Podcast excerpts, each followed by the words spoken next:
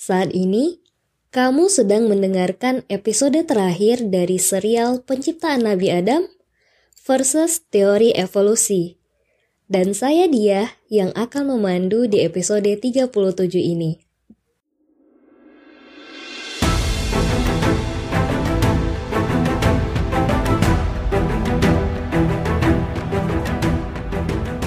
Di serial pertama, kami sudah memaparkan alasan-alasan kenapa sains itu sangat relevan dengan Al-Quran. Sehingga, semakin kita mendalami sains, maka seharusnya semakin dekatlah kita pada Sang Pencipta. Apalagi di Quran Surat Al-Baqarah ayat 164, Allah dengan sangat tegas bilang kalau fenomena di alam raya ini adalah tanda-tanda keesaan dan kebesaran Allah bagi kaum yang memikirkan. Selanjutnya di serial kedua, kita sudah membahas bahwa anggapan sains dan agama nggak bisa disatukan hadir karena adanya sekularisme yang sudah tertanam di lini kehidupan kita, termasuk dalam sains. Kalau mempelajari sains, gak usah bawa-bawa agama, kata orang yang menganut paham sekuler ini. Padahal, sekularisme ini bisa dikatakan sebagai musuh Islam yang sangat berbahaya karena langsung berpengaruh pada akidah seorang muslim. Bahkan, Majelis Ulama Indonesia atau MUI telah mengeluarkan pernyataan dan mengharamkan faham sekuler sejak tahun 2005. Di serial ketiga, Teh Agri udah ngejelasin bahwa bukti-bukti teori evolusi Darwin, terutama evolusi makro sendiri, masih menjadi kontroversi. Dan sesungguhnya, sains hanyalah alat untuk menjelaskan fenomena yang terjadi di alam raya ini. Bisa jadi ke depannya ditemukan cara penjelasan yang lebih baik lagi. Dan sebenarnya, Inti awal dari teori evolusi Darwin sesungguhnya bukan untuk menjelaskan asal-muasal manusia. Lanjut ke serial keempat, T. Agri juga udah ngejelasin bahwa kemiripan DNA antara manusia dan makhluk lainnya, termasuk kera, justru bisa kita simpulkan sebagai bukti yang memperkuat adanya satu pencipta kehidupan, yaitu Allah – di serial kelima sekaligus terakhir ini, yuk kita simak closing statement dari Teh Agri. Silahkan Teh.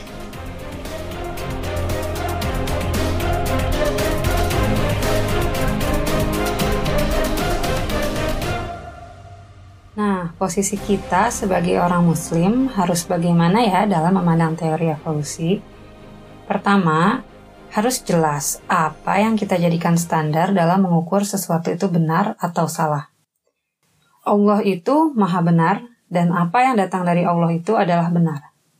Pada berbagai ayat, Allah mengklaim bahwa Quran ini adalah kebenaran. Salah satu contohnya di surat Yunus, yaitu surat ke-10 ayat 108. Quran juga merupakan petunjuk atau huda dari Allah bagi manusia tentang siapa dirinya, kenapa ada dan harus apa di dunia, dan ke mana dia akan menuju. Quran juga disebut sebagai furqon atau pembeda antara yang hak dan yang batil. Ada aturan-aturan hidup dan lain-lain. Satu hal yang pasti, Quran itu bukanlah buku sains. Fungsi Quran bukan untuk memberitahu kita informasi teknis mengenai alam semesta ini. Ketika kita membaca Quran, Memang kita akan menemukan ayat-ayat yang memberikan deskripsi mengenai berbagai fenomena di alam semesta. Tapi sekali lagi, fungsinya adalah agar manusia bisa merefleksikan dan kemudian mengapresiasi Allah sebagai pencipta, pengatur, yang maha mengetahui, yang maha bijak, dan lain sebagainya, sehingga apa? Sehingga bertambahlah ketundukan kita kepadanya. Dan yang unik dari ayat-ayat yang seperti ini adalah bahwa deskripsi-deskripsi mengenai alam semesta yang ada di dalamnya dapat diapresiasi oleh orang dengan beraneka tingkat pemahaman pada zaman atau waktu yang berbeda-beda. Satu kata di dalamnya dapat mengandung arti yang bermacam-macam. Dan kata-kata seperti ini bisa koheren dengan pemahaman lampau maupun masa kini tentang alam semesta, pun bisa mengandung makna spiritual maupun pesan moral. Itu satu. Lalu, kita meyakini juga bahwa Allah lah yang menciptakan alam semesta. Bahwa apa yang ada di alam semesta ini adalah ayat-ayat Allah juga. Maka harusnya tidak ada pertentangan antara Quran dengan realita alam semesta ini karena sama-sama ayatnya Allah. Nah, kalau kalau nih ya kita menemukan adanya pertentangan, terus bagaimana? Simple sebetulnya. Satu, pemahaman kita mengenai alam semesta ini memang salah atau belum tepat. Atau dua, bisa jadi kita yang terlalu sempit dalam memahami Quran. Padahal kata-kata di Quran bisa mengandung makna yang luas dan banyak. Semoga sikap kita tidak seperti orang-orang yang terlalu mengeluh-elukan sains sampai-sampai menuhankannya dan menganggapnya sebagai kebenaran. Padahal sains sendiri sifatnya tidak absolut. Nah, orang-orang yang seperti ini, kalau melihat atau mendengar di dalam Quran ada ayat-ayat yang bagi mereka itu tidak sesuai dengan fakta sains yang mereka pahami, biasanya suka langsung menolak mentah-mentah Quran. Kata mereka, nggak mungkin Quran benar, nggak saintifik, katanya. Ya, please kalau memang mau mencari kebenaran, ya cobalah pelajari Quran dengan cara memposisikannya sebagaimana mestinya. Yang jelas, buat kita kebenaran Quran itu nggak butuh validasi dari sains. Quran itu tetap benar, terlepas apakah ayat-ayatnya cocok atau tidak dengan fakta sains yang ada saat ini. Nah, tapi ini tidak berarti ya bahwa dalam meyakini kebenaran Quran kita taklid buta. Dan ini yang orang suka salah paham, seolah-olah ketika kita menolak sesuatu karena nggak sesuai dengan Quran, itu adalah tanpa basis. Padahal, kita punya basis yang kuat, yang didukung dengan bukti-bukti yang kuat juga bahwa Quran itu memang benar dari Allah. Jadi saya juga mengencourage teman-teman muslim untuk mempelajari Quran. Pastikan diri ini benar-benar punya keyakinan yang benar terhadap Quran berdasarkan ilmu, Jangan hanya bilang Quran benar karena ya dari kecil saya dikasih taunya gitu. Nah, jangan seperti itu ya.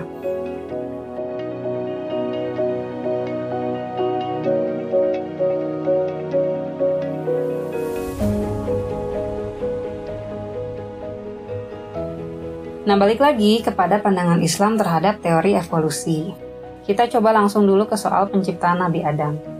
Sepengetahuan saya dari ayat-ayat di Quran, hadis-hadis mengenai Nabi Adam, ijma ulama itu posisinya adalah jelas bahwa Nabi Adam diciptakan dari tanah, tanpa ayah, tanpa ibu, dibentuk menjadi manusia sempurna.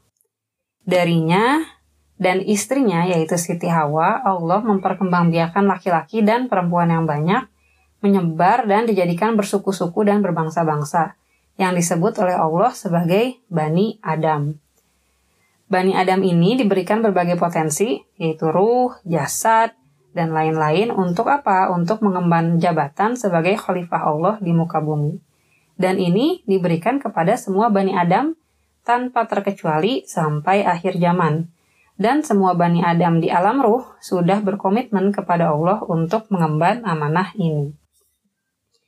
Jadi, satu yang perlu di highlight ya bahwa Nabi Adam yang diciptakan oleh Allah tanpa ayah tanpa ibu, ini jelas bertentangan dengan teori evolusi yang punya asumsi dasar bahwa semua makhluk hidup harus diturunkan dari sesuatu. Yang nggak usah jauh-jauh ke teori evolusi lah, secara konsep biologi aja, yang sekuler ya, yang menerima penjelasan yang naturalistik aja, itu nggak bisa diterima pandangan tentang Nabi Adam diciptakan ya. Ya karena tadi makhluk hidup itu harus punya orang tua. Nggak bisa ujuk-ujuk muncul begitu saja. Allah berfirman dalam surat Ali Imran ayat 59. A'udzubillahiminasyaitonirrajim. Bismillahirrahmanirrahim. Sesungguhnya, misal penciptaan Isa di sisi Allah adalah seperti penciptaan Adam. Allah menciptakan Adam dari tanah, kemudian Allah berfirman kepadanya, Jadilah seorang manusia, maka jadilah dia. Nah, saya rasa sebagai muslim ya, kita nggak pernah mempermasalahkan tentang penciptaan Nabi Isa yang lahir dari Maryam seorang wanita suci yang tidak pernah disentuh oleh seorang laki-laki pun. Padahal dari kacamata biologi, ini juga sebetulnya sesuatu yang impossible. Tapi kita bisa menerima itu sebagai mukjizat kan? Dan itu adalah ya tadi kita terima sebagai mukjizat dari Allah. Kita terima itu sebagai kebenaran walaupun kita nggak punya bukti empiris, nggak ada penjelasan alamiah juga soal itu. Ya karena itulah mukjizat. Sesuatu di luar sesuatu yang alami. Nah, Allah menyebutkan di surah tadi bahwa misal penciptaan Nabi Isa ini sama seperti Nabi Adam. Dua-duanya adalah sesuatu yang diciptakan tanpa melalui proses alamiah. Kalau kita mudah menerima mukjizat penciptaan Nabi Isa, kenapa kok kesannya lebih sulit menerima penciptaan Nabi Adam? Gara-gara ada teori evolusi dan berbagai bukti empirisnya seperti fosil dan lain-lain. Nah, jadi uh, gitu ya cara pandangnya bahwa ya kita kan meyakini adanya mukjizat. Jadi bagi kita tadi penciptaan Nabi Adam itu kalaupun memang uh, tidak uh, sesuai dengan teori evolusi yang tadi ya mengharuskan sesuatu itu diturunkan ya bagi kita kita bisa menerima itu karena tadi kita menerima adanya mukjizat dari Allah.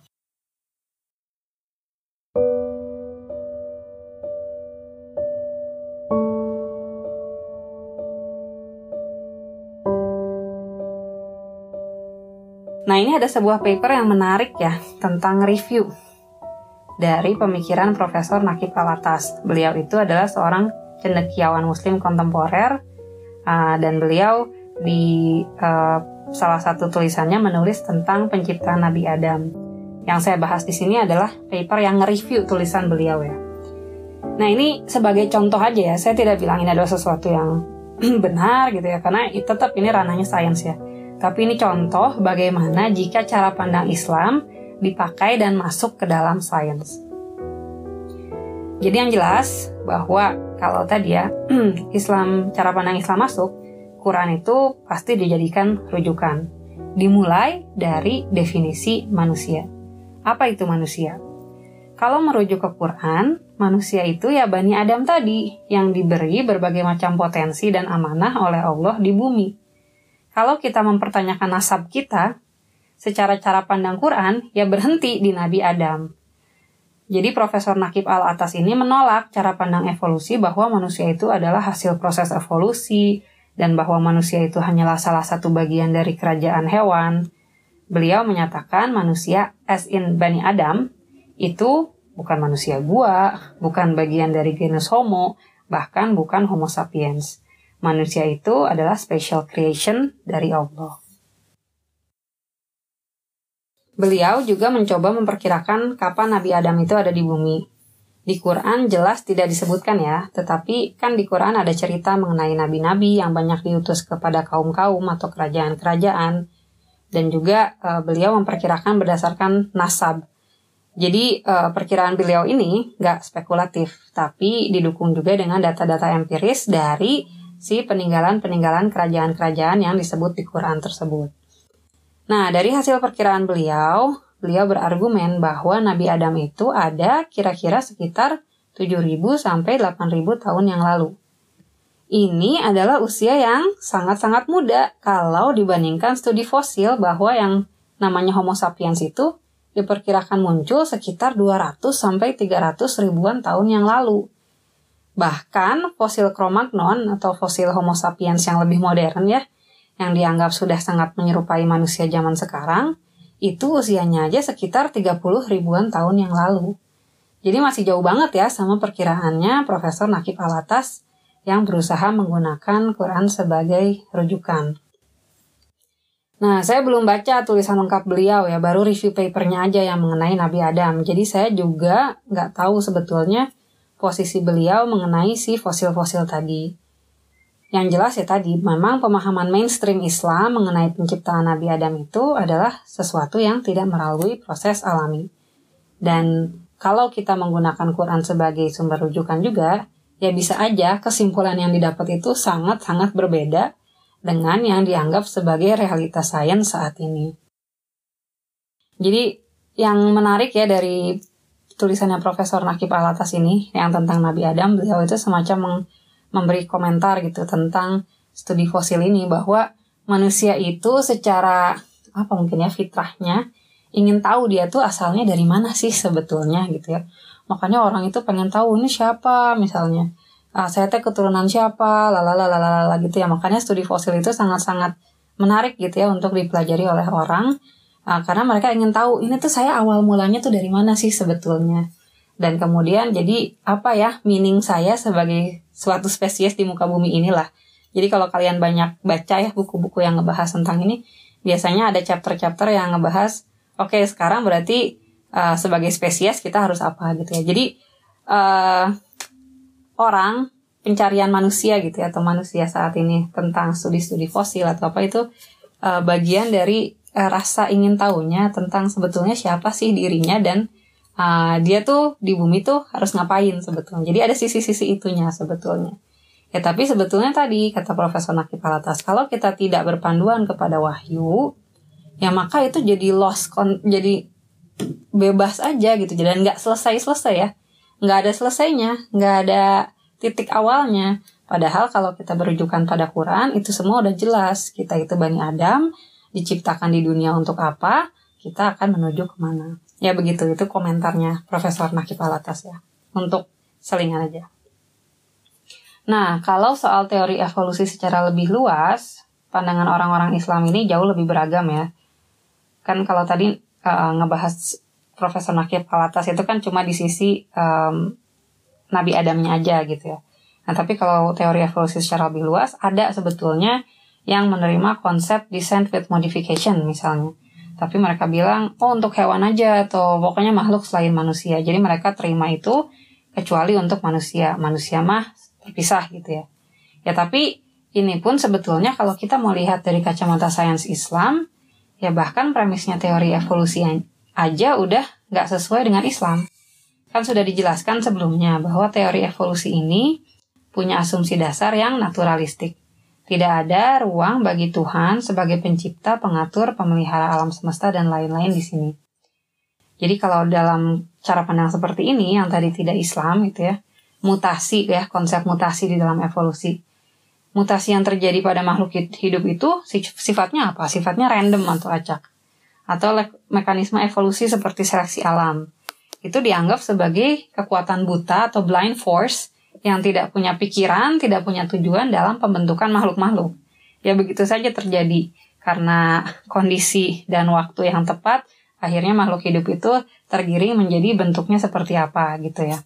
Nah, padahal kalau di Islam, kita meyakini bahwa Allah itu tidak menciptakan sesuatu dengan sia-sia.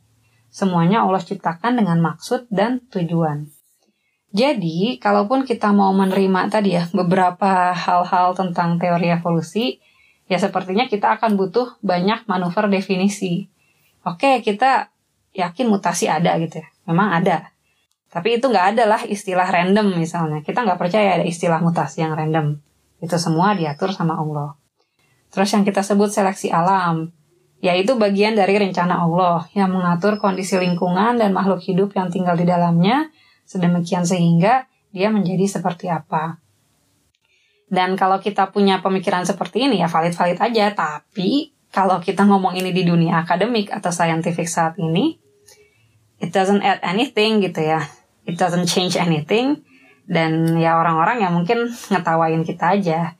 Ini mungkin lebih ke usaha seorang muslim gitu ya, terutama yang berkecimpung di dunia akademik untuk mendamaikan apa yang dia pelajari dengan keyakinan dia. Anyway, semoga apa yang saya sampaikan walaupun jauh mungkin ya dari sebuah konklusi, tapi semoga menambah kasanah pengetahuan dan juga kepercayaan diri kita sebagai seorang muslim bahwa it's okay kalaupun apa yang kita yakini dari Quran itu berbeda dengan apa yang banyak orang atau kalangan saintis pahami soal realita alam ini. Justru harusnya kita menjadi semakin semangat untuk membangun kultur keilmuan kita sendiri yang tidak terkungkung oleh nilai-nilai sekularisme anti Tuhan. Sehingga ketika kita berusaha menguak ayat-ayat Allah di alam, yang kita dapatkan adalah kesimpulan yang sejalan dengan kebenaran Quran.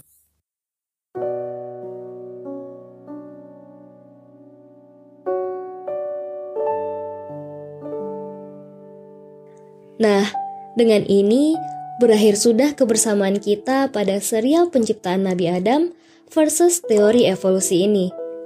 Paper yang kami baca, data yang kami himpun, kalimat yang kami susun, tak lain dan tak bukan hanyalah usaha kami untuk menjelaskan teori evolusi sejelas dan sedetail yang kami bisa. Karena, seperti yang teman-teman ketahui juga, masih banyak kebimbangan di benak kaum muslim sendiri mengenai teori ini. Apalagi, kebanyakan narasi yang beredar seolah-olah membuat kita semakin mengkotak-kotakan sains dengan agama. Padahal, kedua hal tersebut harusnya saling berkaitan. Kami juga udah nyantumin link part 1 sampai 4 di deskripsi box ya teman-teman. Jangan lupa buat disimak secara berurutan dan keseluruhan, agar nggak ada yang miss dari pembahasannya. Saya dia, mewakili seluruh tim yang terlibat, mengucapkan terima kasih sudah mensupport dan membersamai kami. Jika ada pertanyaan atau sesuatu yang belum jelas, teman-teman bisa menghubungi kami melalui Instagram di @cerita_sejarah_islam atau Instagram Agri langsung di @fajarcendekia. Linknya juga udah kami cantumkan di deskripsi box. Sampai jumpa lagi di serial kisah Nabi selanjutnya. Wassalamualaikum warahmatullahi wabarakatuh.